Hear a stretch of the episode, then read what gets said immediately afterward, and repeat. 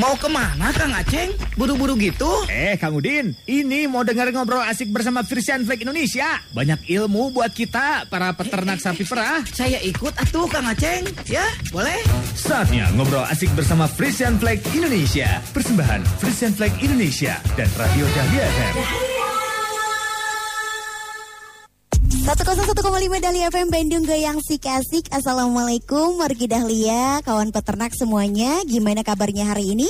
Mudah-mudahan semua dalam keadaan sehat Semua dalam keadaan bahagia Dan pastinya malam hari ini Ketemu lagi bareng sama Baby Alia. Seperti biasa di hari Jumat Di minggu kedua ya Ataupun di minggu keempat setiap bulannya Ini selalu hadir acara yang spesial Yang khusus Yang luar biasa untuk kawan peternak semuanya. Di mana lagi kalau bukan di acara programnya Radio Buara Frisian Flag Indonesia ya. Pastinya semua udah pada tahu dong ya warga Dahlia dan juga kawan peternak kalau program Radio Buara Frisian Flag Indonesia ini merupakan program pengembangan peternakan sapi perah di Indonesia. Pastinya untuk bisa menjadikan peternak semuanya menjadi peternak yang berkualitas dan juga pastinya sejahtera karena harus ingat ya susu yang berkualitas maka peternak dan keluarganya akan sejahtera. Makanya wajib banget disimak setiap dua minggu minggu sekali pastinya hadir di 1015 Dahlia FM untuk kawan peternak yang ada di Lembang, di Pangalengan, terus juga yang ada di Jawa Timur, di Jawa Tengah, semuanya yang malam hari ini lagi pantengin Radio Dahlia FM ataupun yang sudah bergabung via Zoom malam hari ini ya. Selama 45 menit ke depan ataupun satu jam ke depan ya kurang lebih Baby Alia bakalan nemenin semua kawan peternak dengan narasumber yang begitu luar biasa pada hari ini pastinya dengan pembahasan yang berbeda dari dua minggu sebelumnya sebelumnya. Nah, pastinya malam hari ini kita akan membahas seputar peran serta peternak sapi perah dalam meningkatkan kualitas produk susu di pasaran. Ini sangat penting sekali nih untuk kawan peternak simak sampai akhir. Yang mau bertanya seputar tema kita malam hari ini boleh dikirimkan saja pertanyaannya via WhatsApp di 0811 222 1015. Sekali lagi di 0811 222 1015 ataupun untuk kawan peternak yang sedang bergabung via Zoom ya, bisa kirimkan pertanyaannya via room chat di situ. Nanti akan kita jawab juga bersama-sama dengan narasumber kita malam hari hari ini ya. Baby Alia sudah terhubung terlebih dahulu via Zoom. Ini sudah bergabung bersama dengan kita. Bapak Aryono Bambang Ardio selaku Plan Manager Pasar Rebo PT Fashion Flag Indonesia. Selamat malam Pak Aryo. Selamat malam. Kabar baik malam hari ini Pak ya? Alhamdulillah baik Mbak. Siap. Malam hari ini lagi di Jakarta atau lagi di mana Pak ini? Saya lagi di Bekasi karena rumah saya ada di Bekasi ya. Oke, luar biasa. Bekasi kayaknya gerah banget malam ini ya. Gerah nih sampai pakai jaket ya. Pak Aryo ini memang beda ya. Pak Aryo boleh disapa dulu nih kawan peternak yang ada di rumah ataupun yang sudah tergabung bersama kita via Zoom. Silakan Pak. Baik, saat malam semuanya, sahabat-sahabat para peternak dan juga teman-teman semuanya. Mudah-mudahan saya bisa berbagi uh, ya berbagi pengalaman lah kepada anda semuanya. Uh -huh. Baik ya selain ada Pak Aryo ya di sini juga di studio Radio Dahlia FM kita sudah kedatangan tamu jauh-jauh ya dari Jakarta dengan perjalanan tujuh hari tujuh malam ke Bandung ya. ada Bapak Ahmad Sawaldi selaku DDP and FDOV Project Manager PT Fashion Flag Indonesia. Selamat malam Bapak. Selamat malam Teh. Alhamdulillah sampai di Bandung ya. Alhamdulillah. Walaupun Pas, Bandungnya gitu. sekarang lagi haredang-haredang banget ya Pak ya. Iya betul. Bapak datang ke Bandungnya nggak tepat waktu waktunya karena Bandung lagi nggak sejuk nih ya warga Dahlia. Tapi di sini Pak Ahmad gak nyesal datang ke Bandung karena Pak Ahmad juga sudah siap-siap untuk memberikan informasi yang begitu luar biasa untuk kawan peternak ya. Ya, amin. Boleh disapa dulu kawan peternak yang ada di rumah maupun yang sudah terhubung via Zoom Pak, mangga. Ya, selamat malam teman-teman peternak semuanya. Assalamualaikum warahmatullahi wabarakatuh. Semoga malam ini masih tetap semangat tetap optimis. Kemudian mudah-mudahan acara malam ini nanti bisa bermanfaat buat kita semua. Amin. Amin. Ini luar biasa loh ya, kawan peternak. Ini jarang-jarang nih ada tamu spesial yang pastinya akan membahas sesuatu yang spesial juga. Jadi wajib pantengin sampai akhir ya. Pak Aryo, ini malam ini uh, temanya berbeda dari tema-tema sebelumnya yang biasanya minggu-minggu kemarin kita selalu membahas seputar penyakit eh, penyakit-penyakit menular pada sapi yang kemarin sudah terjadi gitu ya. Tapi malam ini ada kabar gembira juga mungkin ya karena kita akan membahas topik berkaitan dengan perayaan Hari Pelanggan Nasional yaitu peran serta peternak sapi perah dalam meningkatkan kualitas produk susu di pasaran. Kenapa tema ini sangat menarik sekali untuk kita angkat malam ini nih Pak Aryo? Ya, karena memang uh, para peternak ini kan memang uh, akan menghasilkan susu yang sapi yang tentunya diharapkan sangat berkualitas ya. Dan tentu saja at the end itu memang bisa meningkatkan kesehatan masyarakat khususnya dan umumnya masyarakat Indonesia sudah pasti. Dan tentu saja susu yang dihasilkan ini selain dikonsumsi juga di zaman sekarang ini memang susu bisa jadi pakan yang beragam juga ya, bisa menjadi sebuah masakan yang khusus, bisa dibuat kue. Kadang-kadang bahkan kue-kue yang dikelola oleh beberapa perusahaan industri rumah tangga maupun industri besar itu juga bisa mendatangkan devisa bagi negara gitu mbak. Dan juga tentu saja membuka alternatif lapangan kerja bagi orang lain ya dengan meningkatnya uh, industri susu di Indonesia dan berkat hadirnya para peternak Indonesia yang hebat-hebat ini. Oke luar biasa. Tapi kalau dari sisi FFI sendiri nih Pak Aryo ya, makna ataupun arti hari pelanggan ya dari FFI sebagai perusahaan susu ini seperti apa Pak? Ya Hari Pelanggan Nasional ini memang momen yang sangat spesial dan sangat penting bagi Vision Black Indonesia untuk terus menjaga kepercayaan dengan masyarakat dengan menyediakan produk yang memang berkualitas tinggi dan layanan yang terbaik bagi para pelanggan yang gitu Pak. Oke, kalau dari FFP sendiri nih memandang peran pelanggan terhadap pertumbuhan bisnisnya itu sendiri seperti apa? Terus juga komitmen dari FFI-nya sendiri terhadap para pelanggan setianya apa Pak yang dilakukan? Nah saat ini memang kesadaran para pelanggan ini memang sangat luar biasa akan uh, pola hidup sehat ya. Apalagi di era zaman-zaman pandemi seperti ini Mereka itu memang sangat membutuhkan eh, nutrisi-nutrisi uh, yang baik bagi untuk menjaga kesehatan dan stamina ya Agar bisa mendukung kegiatan sehari-harinya. Di mana tren saat ini memang eh, anak-anak muda sekarang ini ya Dan gak cuma yang muda ya juga yang sudah seumuran saya sama Mas Ahmad Sawali ini juga gemar sekali mengkonsumsi eh, makanan-makanan yang praktis. Dalam hal ini misalnya kayak susu siap minum itu sambil jalan kita langsung saja kita nikmati uh, produk tersebut dan sambil mencukupi nilai gizi bagi kita semua. Nah, tren kesadaran masyarakat sekarang inilah yang digunakan uh, bagi FFI untuk terus serta membantu uh, perkembangan bagi masyarakat Indonesia gitu. Nah, komitmen FFI sendiri terhadap pelanggan yang setianya sudah pasti kita akan terus berinovasi dan memproduksi minuman susu berkualitas tinggi dengan yang tentu saja memenuhi favorit-favorit keluarga serta meningkatkan layanan agar pelanggan mudah mendapatkan produk kami di pasaran gitu Mbak. Hmm, Oke okay, baik, ini menarik sekali Pak Ahmad. Tadi Pak Arya sudah bahas kalau misalkan FFI berusaha untuk memberikan uh, produk ataupun kualitas terbaik terhadap susu yang diberikan yeah. kepada pelanggan gitu ya. Pastinya di sini ada peran penting dari peternaknya sendiri untuk menghasilkan susu yang berkualitas. Seberapa penting peran peternak-peternak kita nih Pak? Nah, eh, peran peternak sapi perah di sini sangat penting ya Teh. Karena kenapa? Karena kalau kita pengen memproduksi susu dengan kualitas baik itu harus dengan bahan baku yang baik ya, dengan hmm. kualitas yang tinggi. Misalkan kalau kita mau bikin kue, bahannya misalkan telur ataupun tepungnya kan harus bagus ya. Yeah. Kalau sudah rusak diolah kan nggak akan jadi kue. Hmm. Seperti itu. Jadi di sini sangat-sangat penting peran peternak karena susu setetes susu yang dihasilkan oleh peternak itu nantinya akan menjadi produk diolah di FFI hmm. menjadi produk yang berkualitas tinggi yang mudah-mudahan diinginkan sesuai dengan keinginan dari konsumen seperti itu. Mm-hmm, Oke okay, baik. Nah pastinya nanti kita akan bahas lebih lanjut ya peran penting dari peternak semuanya untuk bisa memberikan yang terbaik untuk para pelanggan setia ya untuk bisa menghasilkan susu yang berkualitas dan juga bernilai gizi tinggi. Makanya jangan ke mana-mana, pantengin terus uh, Bewara Radio Frisian Flag Indonesia. Kita akan dengarkan dulu ini ada mini drama persembahan dari Bewara Frisian Flag Indonesia ini produk susu kok rasanya begini ya? Kenapa Kang? Baru beli produk susu? Iya Bu, rasanya teh aneh, nggak seperti biasanya. Tadi sudah tanya ke toko tempat saya beli susu ini. Mungkin cara mereka nyimpan susu di gudang atau di toko teh salah. Jadi bikin rasa susunya teh jadi aneh. Tapi kata mereka teh susu ini teh baru datang dari pabrik. Jadi Mas harus ke protes ke pabriknya gitu? Mau protes kan?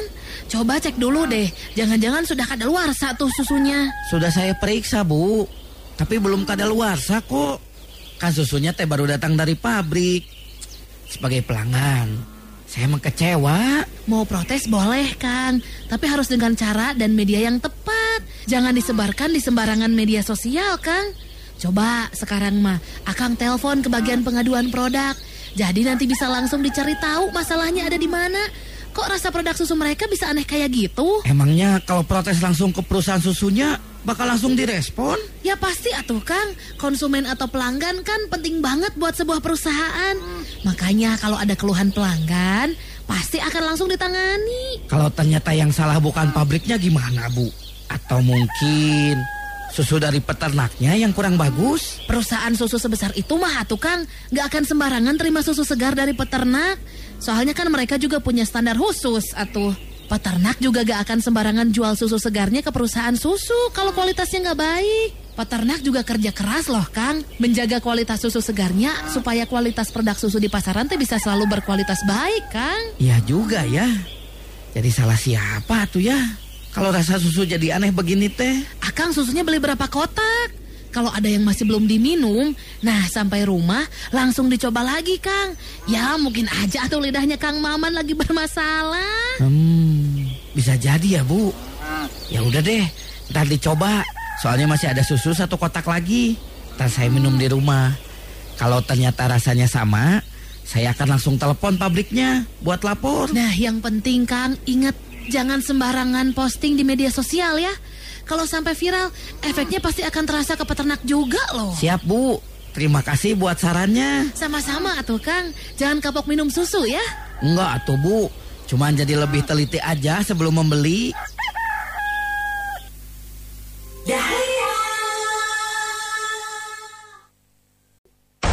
Panteng Radio, Panteng Dahlia.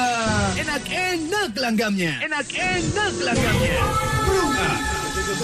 Goyang. 101,5 Dahlia FM, radio nomor 1 di Bandung. Di Radio Bogor Operation Play Indonesia masih bareng sama Baby Alia, masih bareng sama Pak Aryo dan juga Pak Ahmad yang sudah hadir di sini sebagai narasumber dengan tema kita malam hari ini adalah peran serta peternak sapi perah dalam meningkatkan kualitas produk susu di pasaran ya. Oke, Pak Ahmad menyambung obrolan kita tadi yang sempat terputus, kita sempat bahas bahwa peternak ini punya peran penting untuk bisa menghasilkan susu yang berkualitas dan nilai gizi yang baik gitu ya Pak ya. Ya. Kalau dari Pak Ahmad sendiri boleh dijelaskan nggak fakta di lapangan sendiri ya lebih detail lagi tentang bagaimana peternak sapi perah ini selalu berupaya menjaga kualitas susu segar dari sapi perah di peternakan mereka karena kan yang malam ini dengerin bukan hanya peternak saja tapi juga ada wargi dahlia yang setiap harinya selalu mengkonsumsi susu ini Pak ya. Ya, oke teh. Jadi kalau saya ngelihatnya kawan peternak ini e, berupaya untuk menjaga kualitasnya dari dua sisi. Jadi sisi yang pertama itu kalau saya lihat kualitas itu kan kalau saya lihat ada dua ya teh. Ada komposisi susu. Komposisi susu itu ada kandungan fatnya berapa, kadar airnya berapa gitu. Kemudian juga ada angka kumannya atau TPC biasa nyebutnya gitu. Kalau komposisi biasanya peternak itu menjaga dengan memberikan pakan yang bagus, konsentrat yang bagus, hijauan yang bagus supaya kandungan fat, protein itu bagus susunya Oke. gitu. Kemudian kalau dari sisi angka kuman biasanya peternak itu menjaga dengan pada saat memerah embernya bersih, kering, kemudian disaring, kemudian dilap seperti itu. Kemudian dengan cepat dikirimkan ke pos penampungan Iya, iya. sehingga jumlah bakteri atau angka kumannya tidak meningkat tajam gitu. Jadi seperti itu yang kami lihat eh, peternak-peternak di Indonesia berupaya untuk meningkatkan kualitas susu segar. Luar biasa sedetail itu ya diperhatikan Ya, betul. ini untuk masyarakat luas para pelanggan ya yang luar biasa selalu setia mengkonsumsi susu Frisian Plague ini ya. Oke baik kalau dari Pak Aryo nih Pak Aryo saya pengen tahu nih kalau dari FFI sendiri ya dalam membantu peternak sapi supaya bisa menjaga kualitas susunya tetap berkualitas baik itu apa yang dilakukan eh, mereka Pak? Ya ini sebetulnya lebih tepatnya Pak Ahmad sih yang menjelaskan sih, tapi coba saya bantu juga ya Pak Ahmad ya. Seperti diketahui bahwa FFI memang meluncurkan program corporate social responsibility-nya, di mana salah satunya adalah memberdayakan para peternak susu sapi dengan melalui konsep dairy village kita nih. Kebetulan lokasinya ada di sekitar Ciater di sana, yang merupakan upaya untuk meningkatkan kualitas dan kuantitas produk susu sapi di Indonesia. Nah, kita ketahui ya bahwa masalah yang ada tuh susu sapi di persusuan di Indonesia ini memang biasanya bisa menghambat produksi susu sapi itu sendiri dan juga masalah bibit yang tidak produktif juga minimnya ketersediaan lahan untuk pakan serta permodalan bagi peternak di sapi di Indonesia seperti itu. Nah, salah satu program dari Vision Flag Indonesia ini yang di bawah naungan corporate eh, social responsibility ini kita memang membangun desa sapi lah atau desa peternakan atau dairy village di Lembang, Jawa Barat yang bertujuan untuk meningkatkan kapasitas dan kemampuan peternak sapi dalam menghasilkan susu sapi. Jadi di sana mereka bisa belajar lah di sana ceritanya kayak gitu sehingga bagaimana cara memproduksi susu sapi yang baik dan juga beternak itu bisa diajarkan di sana gitu Mbak. Oke, baik. Kalau dari Pak Ahmad ada tambahan, Pak? Nah, eh, jadi kami dari Frisian Flag kan punya departemen namanya dari development ya teh. Jadi Iya. Kami itu eh, membantu koperasi dan peternak mengembangkan sapi perah di Indonesia itu sejak tahun 96. Kalau kami pertama kali nerima susu segar itu tahun 83 sudah sangat-sangat lama. Wow. Ya, jadi mulai tahun 96 waktu itu kami banyak melakukan program-program untuk membantu peternak. Kemudian pada tahun 2013 itu kami punya program besar yang disupport oleh pemerintah Belanda. Jadi mereka menunjuk eh, private sector untuk mengelit sebuah proyek yang eh, gunanya untuk ketahanan pangan di Indonesia, lebih spesifik lagi untuk mengembangkan sapi perah di Indonesia Wow. gitu. Nah, waktu itu eh, dari tahun 2013 sampai sekarang masih berjalan. Hasilnya mungkin tadi salah satunya yang sudah disebutkan oleh eh, Pak Aryo dari Village. Itu salah satunya masih banyak hasil-hasil yang lain seperti itu. Oke baik, kalau dari FFP sendiri nih bentuk kemitraan yang selama ini sudah terjalin dengan koperasi maupun dengan peternaknya sendiri apa saja Pak? Nah, kalau yang wujud aslinya ya kemitraan itu eh, tadi salah satunya dari village. Kemudian mungkin eh, di Pangalengan itu ada yang namanya milk collection point, mungkin sudah pernah dengar. Kawan-kawan peternak pasti sudah dengar karena itu merupakan tempat penampungan susu otomatis pertama di Indonesia. Kemudian kami juga tadi kalau di apa di video tadi juga ada kami punya program farmer to farmer Iya, ya iya. kami mendatangkan peternak Belanda ke Indonesia untuk memberikan training kepada peternak lokal. Kami juga mengirim peternak lokal ke Belanda. Seperti itu. Kami juga punya program untuk peternak muda Young Farmer Academy. Kemudian kami juga punya program yang belakangan ini mengenai peternak perempuan. Oke, ya, iya, kami iya. punya program namanya Women Empowerment. Nama proyeknya Kartini Peternak Indonesia. Wow. Seperti itu. Keren keren keren keren. Iya. Kalau kemitraan ini sendiri akan terus terjalin eh, untuk tahun-tahun ke depan atau ada juga untuk kemitraan selanjutnya yang baru yang mungkin akan direncanakan untuk lebih ini lagi membantu peternak lagi? Ya, kalau dari sisi kami ya Teh ya kami berkomitmen untuk mensupport membantu pengembangan sapi perah ini mudah-mudahan seterusnya Amin. seperti itu karena eh, tahun ini alhamdulillah Frisian Flag 100 tahun ya sudah 100 tahun ya. Luar biasa loh. Cukup lama gitu. Jadi eh, apa?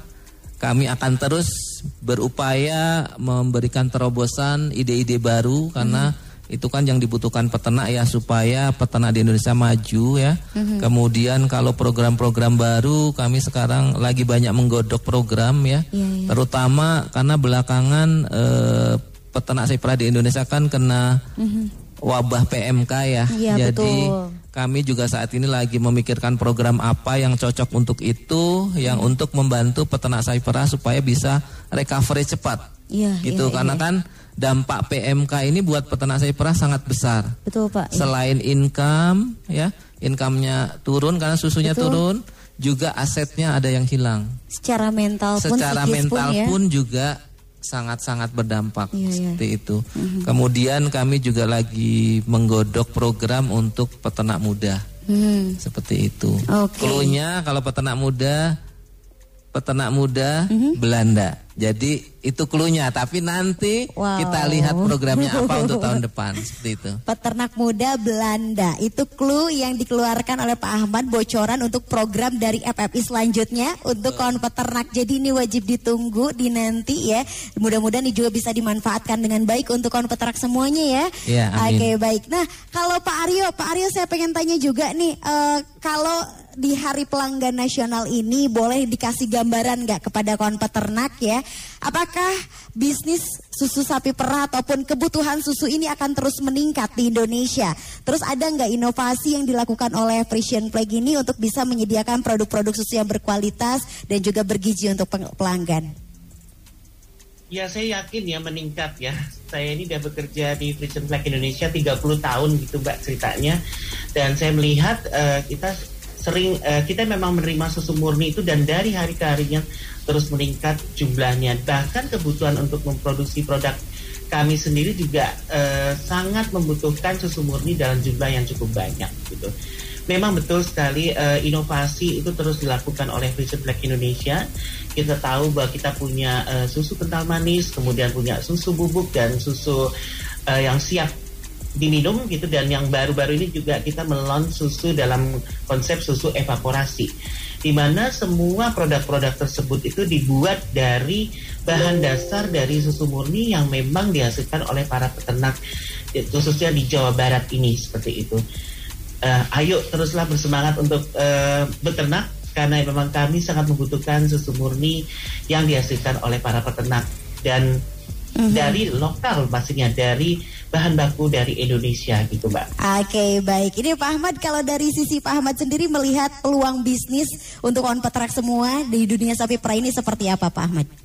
Nah, kalau saya ngelihatnya masih sangat-sangat besar ya Teh, karena suplai susu segar lokal ini eh, sebelum PMK itu hanya 20 persen, 80 persen masih impor. Oke. Nah, dengan adanya PMK ini mungkin lebih rendah lagi. Saya nggak tahu apakah 12 atau 13 persen seperti itu. Jadi dengan kondisi seperti ini, peluang bisnisnya masih sangat-sangat besar karena saat ini juga harga susu segar sudah lumayan bagus. Jadi eh, buat teman-teman atau eh, anak-anak muda yang ingin berternak cobalah karena ini merupakan lahan pekerjaan yang bisa digeluti, bisa ditekunin dan mudah-mudahan kalau ditekunin dengan baik bisa menghasilkan pendapatan atau income yang baik juga. Tidak kalah dengan yang bekerja di pabrik atau di perusahaan seperti itu. Betul sekali ya, karena kebutuhan susu sapi perah di Indonesia juga masih sangat tinggi ya. Iya. Masyarakat itu masih membutuhkan ya Pak ya Betul. susu perah ini. ya. Betul. Jadi kalau kebutuhan susu kalau grafiknya begini, Mm-hmm. Suplai susu sugarnya nggak bisa mengikutin, malah makin besar gapnya. Iya, padahal peluangnya tinggi sekali itu ya. Betul. Dan ini mudah-mudahan bisa menjadi semangat baru untuk kawan peternak semuanya. Apalagi baru bangkit dari PMK kemarin ya Pak Iya. ya. Oke baik, nanti kita akan lanjutkan kembali obrolan asik kita di Radio Bawara Fresh Flag Indonesia. Jangan ke mana-mana, masih pantengin di 101,5 Dahlia FM. Prung ah, go go go, goya.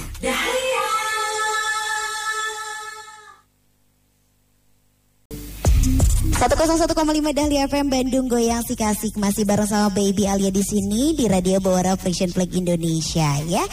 Perlu diinformasikan juga untuk kawan peternak semuanya bahwa ide Hari Pelanggan Nasional pertama kali dicetuskan oleh Hadi Irawande, seorang pengusaha asal Solo pada tahun 2002, 2003 ya, pada tahun 2003. Jadi hal ini tuh bertujuan untuk uh, supaya perusahaan memiliki orientasi pada pelanggan dan juga membentuk budaya pelayanan. Ide ini kemudian digulirkan dan diapresiasi oleh banyak pihak sampai akhirnya diresmikan oleh Presiden kelima Republik Indonesia. Ini luar biasa loh ya. Menjadi kabar baik juga untuk kita semua. Tadi juga sempat di off air kita bahas-bahas juga nih kawan peternak bersama dengan Pak Ahmad dan juga Pak Aryo bahwa kebutuhan susu sapi perah di Indonesia ini terus meningkat. Jadi ini juga merupakan sesuatu yang kabar bahagia untuk kawan peternak semuanya ya. Ini sudah ada beberapa pertanyaan yang masuk via WhatsApp juga ya. Baby Alia bakalan bacakan yang sudah masuk via WhatsAppnya Radio Dahlia FM. Assalamualaikum, Waalaikumsalam. Pak Ahmad mau tanya katanya, upaya apa yang harus dilakukan oleh peternak untuk bisa meningkatkan produksi serta kualitas susu setelah melewati PMA, PMK kemarin? Karena berbagai upaya telah kami lakukan dari mulai perubahan pakan dan sebagainya yang dirasakan bagi kami sangat sulit untuk meningkatkan produksi kembali katanya. Dari Bu Alis dari TPK Cibodas KPSBU Lembang. Ya, terima kasih Bu Alis pertanyaannya. Jadi memang kemarin pada saat sapi-sapi terkena PMK itu sangat-sangat memukul peternak ya teh ya. Jadi eh, emang harus bersabar karena sama kayak kita pada saat kita sakit COVID mm-hmm. kan pelan-pelan ya sembuhnya ya. Betul. Sama kayak sapi. Jadi eh, kalau tips saya besar bersabar dulu dirawat karena memang sapi sembuh pun tidak langsung menghasilkan susunya kembali seperti itu. Mm-hmm. Jadi kalau kami tanya beberapa pakar karena uh, bulan lalu bulan Agustus ya teh kami yeah. mengadakan uh, workshop atau seminar mengenai PMK. Kami mengundang ahli-ahli PMK dari Belanda mm-hmm. itu uh, namanya Pak Kes sama Pak Peter.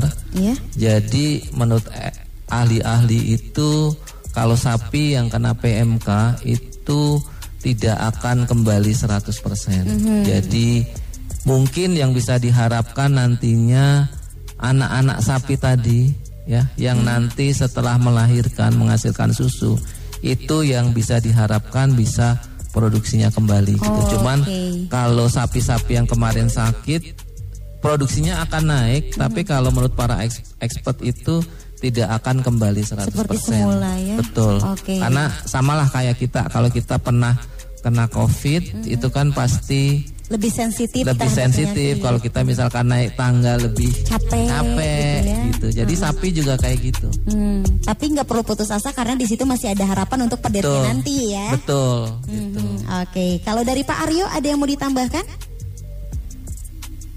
ya mungkin sama ya dengan Mas Ahmad Sawaldi bahwasannya memang eh, PMK ini memang benar-benar membuat kita semua juga sedih ya tentunya yeah. karena memang penerimaan susu murninya menjadi berkurang dan kami sendiri sangat sementara sangat membutuhkan susu murni ini. Tapi saya yakin dengan uh, kepercayaan dan juga uh, perjuangan dari para peternak di Indonesia ini pastinya kalian semua bisa bangkit kembali Eh, sama-sama kita memproduksi susu yang baik hmm. dan dengan bantuan dari timnya Mas Ahmad Kawali pastinya ya melalui dari development programnya juga bisa membantu Anda semua untuk kembali bangkit dan sharing dengan ilmu-ilmunya yang baik tentunya dari mereka. hmm Dan kami tetap menunggu hasil produksi uh, susu sapi yang berlimpah untuk kebutuhan kami untuk memproduksi produk-produk berkualitas. Oke, baik. Ya, ini juga nyambung dengan pertanyaan berikutnya juga ya. Uh, Assalamualaikum Waalaikumsalam, saya Endin dari TPK Babakan Kiara katanya. Kan uh, mau tanya uh, gimana caranya meningkatkan fat dan juga NSF ya karena itu katanya akan berpengaruh terhadap kualitas susu sapi dan berpengaruh terhadap terhadap harga susunya juga. Ya, kalau kadar fat itu lebih banyak ke pemberian hijauan teh.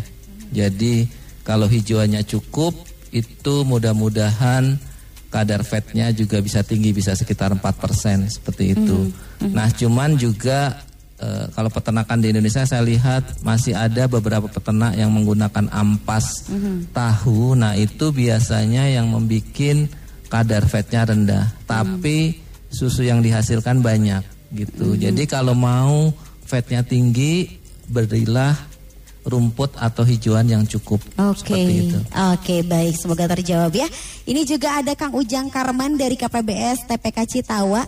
Ini berhubungan pertanyaannya dengan pertanyaan yang tadi sudah kita bacakan via Zoom, Pak ya, mengenai harga susu ya. Tadi mungkin ada beberapa yang sudah mendengarkan penjelasan dari Pak Ahmad bahwa harga susu itu sebetulnya relatif balik lagi tergantung pada kualitasnya. Kalau dari Kang Ujang ini mau tanya nih Pak sama juga mau ngasih masukan saja kepada FFI supaya harga susu bisa lebih ditingkatkan karena sekarang harga konsentrat ini melambung. Jadi pendapatan peternak sangat minim, hasil produksi hampir 75% untuk membayar konsentrat saja. Nah ini hubungannya dengan kualitas susu juga ya Pak?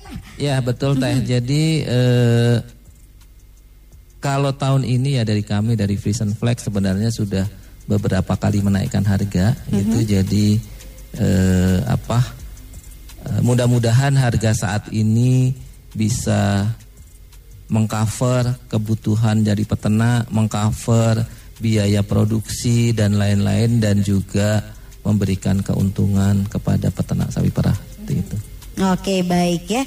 Dan pastinya juga susu yang berkualitas Nanti juga harga akan mengikuti juga ya. Betul. Iya seperti tadi angka TPC-nya yang paling penting ya Pak ya. Iya Hmm, harus ditekan.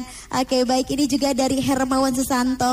Mau tanya nih, katanya sampai saat ini saya sudah berusaha keras untuk menyediakan susu yang berkualitas. Namun di lapangan susu disampel per kelompok sehingga jika ada satu anggota yang nakal, sampel susunya jadi jelek akhirnya. Jadi harapan saya MCP bisa diterapkan katanya. Kalau ada kasus seperti ini gimana tanggapannya Pak Ahmad? Nah, jadi gini, memang e, bedanya pos penampung yang lama sama MCP MCP itu yang ada di Pangalengan uh -huh. itu bedanya kalau MCP yang ada di Pangalengan itu emang peternak dicek kualitasnya setiap individu peternak. Uh -huh. Jadi peternak ABC dibayar sesuai dengan kualitas masing-masing yeah, seperti yeah. itu. Nah, cuman kalau di MCP atau tempat penampung yang lama yang belum modern uh -huh. itu memang e, karena kondisi ya, karena kan di situ belum ada sistem, yeah. maksudnya belum ada komputer segala macam. Jadi masih oleh koperasi itu mm-hmm. disampling berdasarkan kelompok. Mm-hmm. Karena itu yang mungkin yang memungkinkan. Nah, untuk membangun MCP itu eh, koperasi harus melihat kembali karena mm-hmm. faktor yang diperhatikan banyak teh. Karena kan mm-hmm. namanya MCP itu kan investasi ya. Yeah, yeah. Ada value uang yang diinvest di situ. Iya. Nah, yang harus dilihat apakah di kelompok atau di area itu susunya mencukupin nggak untuk membuat sebuah MCP. Oh, iya. Karena kalau susunya di situ cuma 1000 kilo untuk bikin MCP berat bisnisnya. Oh iya, gitu. Betul. At least kalau untuk membuat MCP sekitar uh, susu 3000 atau 3 ton itu baru secara hitungan bisnisnya menjanjikan hmm. gitu. Jadi hmm. kalau mengenai MCP balik lagi ke keputusan masing-masing koperasi hmm. teh karena setiap koperasi mempunyai hmm. strategi masing-masing seperti itu. Hmm. hmm. Oke, okay, baik ya. Ini ada juga pertanyaan dari siapa ini? Selamat malam mau tanya. Kan sapi-sapi di kandang itu semua nutrisinya tercukupi seperti sapi-sapi yang lainnya. Terus sapinya 100% sehat. Tapi setelah dicek BJ-nya kok nggak sama? Itu pengaruhnya dari apa ya Pak? Satu lagi, apa ke depannya untuk peternak, peternak sapi perah itu ada pekerjaan yang sangat memungkinkan? Uh, Oh, oke. Okay. Karir untuk para pekerja peternakan uh, di mata uh, eh, FFP sendiri progresnya nanti ke depan akan seperti apa? Ya. Mungkin tadi yang pertama dulu Pak boleh dijawab Ya, mengenai, BJ. BJ ya. Jadi biasanya BJ itu ngeling sama total solid ya Teh ya. atau kadar air. Nah, kadar air tuh biasanya ngelingnya sama pakan yang diberikan. Mm -hmm. Itu mungkin perlu dilihat rumputnya kayak apa, konsentratnya kayak mm -hmm. apa dan makanan yang lainnya kayak apa seperti itu. Mm -hmm. Karena lebih banyak kalau kadar air itu ke situ. Oh gitu. iya iya iya. iya. Kemudian kalau pertanyaan yang kedua tadi yang mengenai karir dari pekerja, pekerja ya. Peternakan sapi perah seperti apa? Ya kalau saya sendiri pengennya ya pekerja ini kan selamanya nggak jadi pekerja ya teh. Ya. Karena kalau namanya pekerja itu kan kerja sama orang. Betul. Gitu. Nah saran saya kalau pekerja yang bekerja di peternakan atau di kandang mega farm atau apa pun mm. kan punya gaji ya. Yeah. Kalau bisa ditabung mm-hmm. itu. Kalau nanti sudah cukup membeli sapi satu, belilah sapi satu. Oke. Okay. Nanti kalau ada uang lagi, tambah lagi. Hmm. Pada suatu saat nanti dia akan menjadi pebisnis sendiri. Kalau okay. harapan saya seperti itu. Iya, iya. Berprogres ya. Betul, karena hmm. namanya orang sukses itu kan harus ada progres ya, nggak bisa langsung tiba-tiba sukses kecuali Betul. kalau anak konglomerat ya teh ya. gitu. Oke, kecuali anak sultan ya. Oke. Oke, mungkin sebelum kita uh, angkat telepon satu lagi deh ini dari Pak Ahmad. Ada juga yang minta harapan ataupun tipsnya nih Pak Ahmad gimana caranya mengembalikan semak, uh, uh, semangat peternak sapi perah pasca wabah PMK karena sampai sekarang jujur saja belum kembali gairah peternak kita dikarenakan sapi-sapinya belum bisa normal lagi. Yeah. Kalau saya tipsnya mungkin untuk mengembalikan uh, semangat ya. Mm -hmm. Jadi uh, saling belajar ya. Mungkin ada peternak yang kena PMK tapi dampaknya nggak besar. Iya. Ada yang peternak yang kena PMK dampaknya besar sekali. Jadi mungkin bisa saling belajar dengan seperti itu nanti ilmu yang didapat akan bisa dimanfaatkan untuk lebih kuat lagi menghadapi ke depannya. Mhm. Seperti itu karena kalau yang sudah terjadi kan sudah terjadi teh. Betul. Kita harus berpikir ke depan, Ke depan. bagaimana kita menyongsong masa depan, bagaimana kita bisa mengembalikan bisnis peternakan kita lebih baik lagi, lebih maju lagi Mhm. daripada pada saat PMK. Oke, baik. Pak Aryo ada yang mau ditambahkan mengenai pertanyaan barusan? Ya eh, sama ya memang ini masalah pelik mengenai PMK ini ya Mas Ahmad Sawaldi ya. Eh, dan saya melihat memang eh, dari timnya Mas Ahmad Sawaldi ini banyak membantu para peternak nggak hanya di Jawa Barat sampai mereka juga membantu sampai ke Jawa Timur gitu dan memberikan penyuluhan. Tadi Mas Ahmad sempat bercerita bahwa kita juga mendatangkan para ahli juga yang dari Belanda dengan Zoom meeting dalam rangka untuk membantu para peternak Indonesia untuk bangkit kembali dan menuntaskan segala kepedihan yang ada ya Mbak eh, ya Teh ya ceritanya kayak gitu supaya semuanya kembali sejahtera gitu. Mhm, Oke baik ya. Untuk warga Dahlia yang ada di rumah boleh bu untuk ikutan kuis interaktif bersama kita di sini. Silahkan telepon saja ke 73028 atau ke 7311710 ya. Pastinya ada pertanyaan yang harus dijawab nih, tapi gampang kalau sudah menyimak dari tadi ya. Ada siapa ini? Halo di Radio Bawara Frisian Tech Indonesia. Halo, selamat malam. Halo, selamat malam sama siapa ini? Ya, di Bojong Kaco. Tahyati. Ya. Iya, Tahyati pertanyaannya Wah, boleh Ya, tanya. dong sebutkan salah satu program ataupun bentuk kemitraan antara Frisian Flag dengan koperasi dan juga peternak. Salah satu programnya apa tadi? Eh, programnya apa ya? Apa nih? Ada pilihan nggak, Bibi? Apa nih? Eh, tadi agak kurang nyimak, aku lagi Oh keluar gitu. Tapi sering minum susu dong ya. Sering dong. Luar biasa ya. Tahu nggak kalau Frisian Flag ini dulunya disebutnya susu apa? Logonya ada. Susunya? Susu sayang, Oh, ya, susu susu bendera. Luar biasa. Ini jadi ketahuan nomornya berapa ya?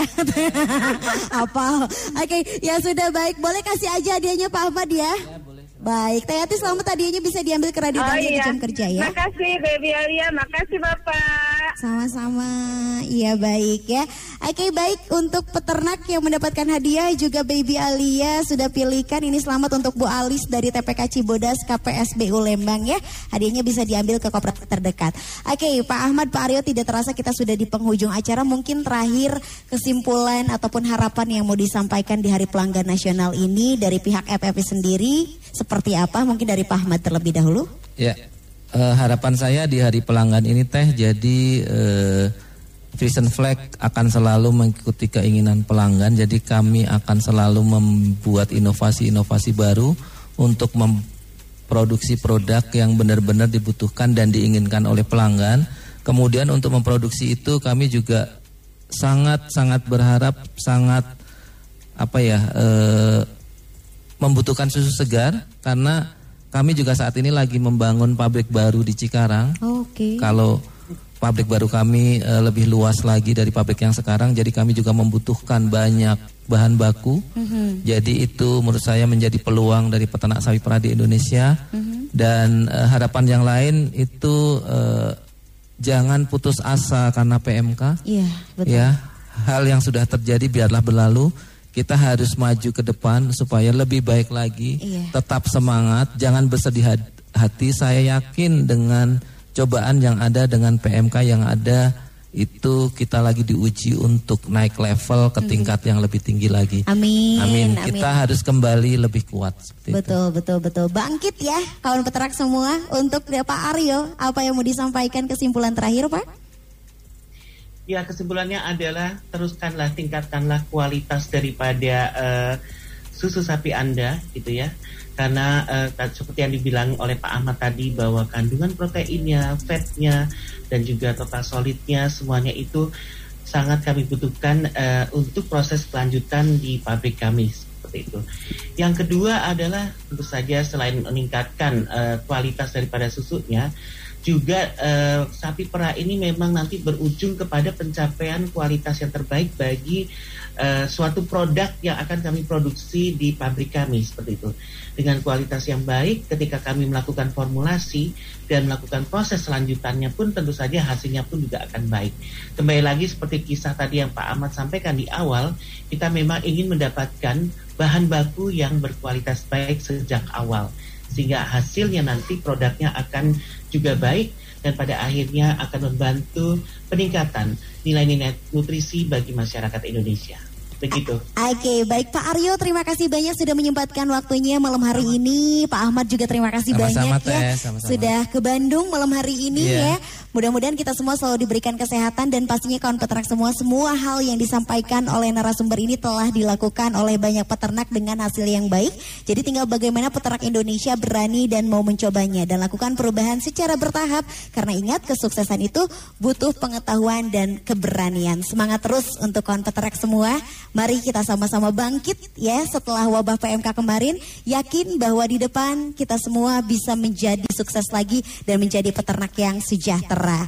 Baby Alia pamit dulu untuk episode kali ini. Nantikan kembali ya untuk eh, episode selanjutnya di tanggal 7 Oktober 2022. Dan pastinya juga jangan lupa nih ya untuk kawan peternak yang pertanyaannya belum dijawab atau mau bertanya seputar peternakan, boleh kirimkan via WhatsApp saja di 0811 1588 603 Sekali lagi di 0811 1588 603 Jangan lupa juga ya eh, untuk mendengarkan kembali siaran ulang Radio Buara melalui aplikasi eh, Spotify di podcast Buara Frisian Play ya dan juga jangan lupa untuk membaca tabloid Buara. Baby Alia pamit undur diri, mohon maaf jika ada salah-salah kata. Wassalamualaikum warahmatullahi wabarakatuh. Panteng Radio Panteng Dahlia enak-enak langgamnya, prung ah, go go go, goyang. Kang Udin, Kang Udin. Mo. Kang Udin mah, hayu atuh Kang pulang. Ngobrol asik bersama Frisian Flag Indonesia-nya udahan. Terus gimana tuh saya? Tenang, ngobrol asik barengan Frisian Flag Indonesia bakalan balik lagi tiap hari Jumat dua minggu sekali. Persembahan Frisian Flag Indonesia dan Radio Dahlia FM. Dahlia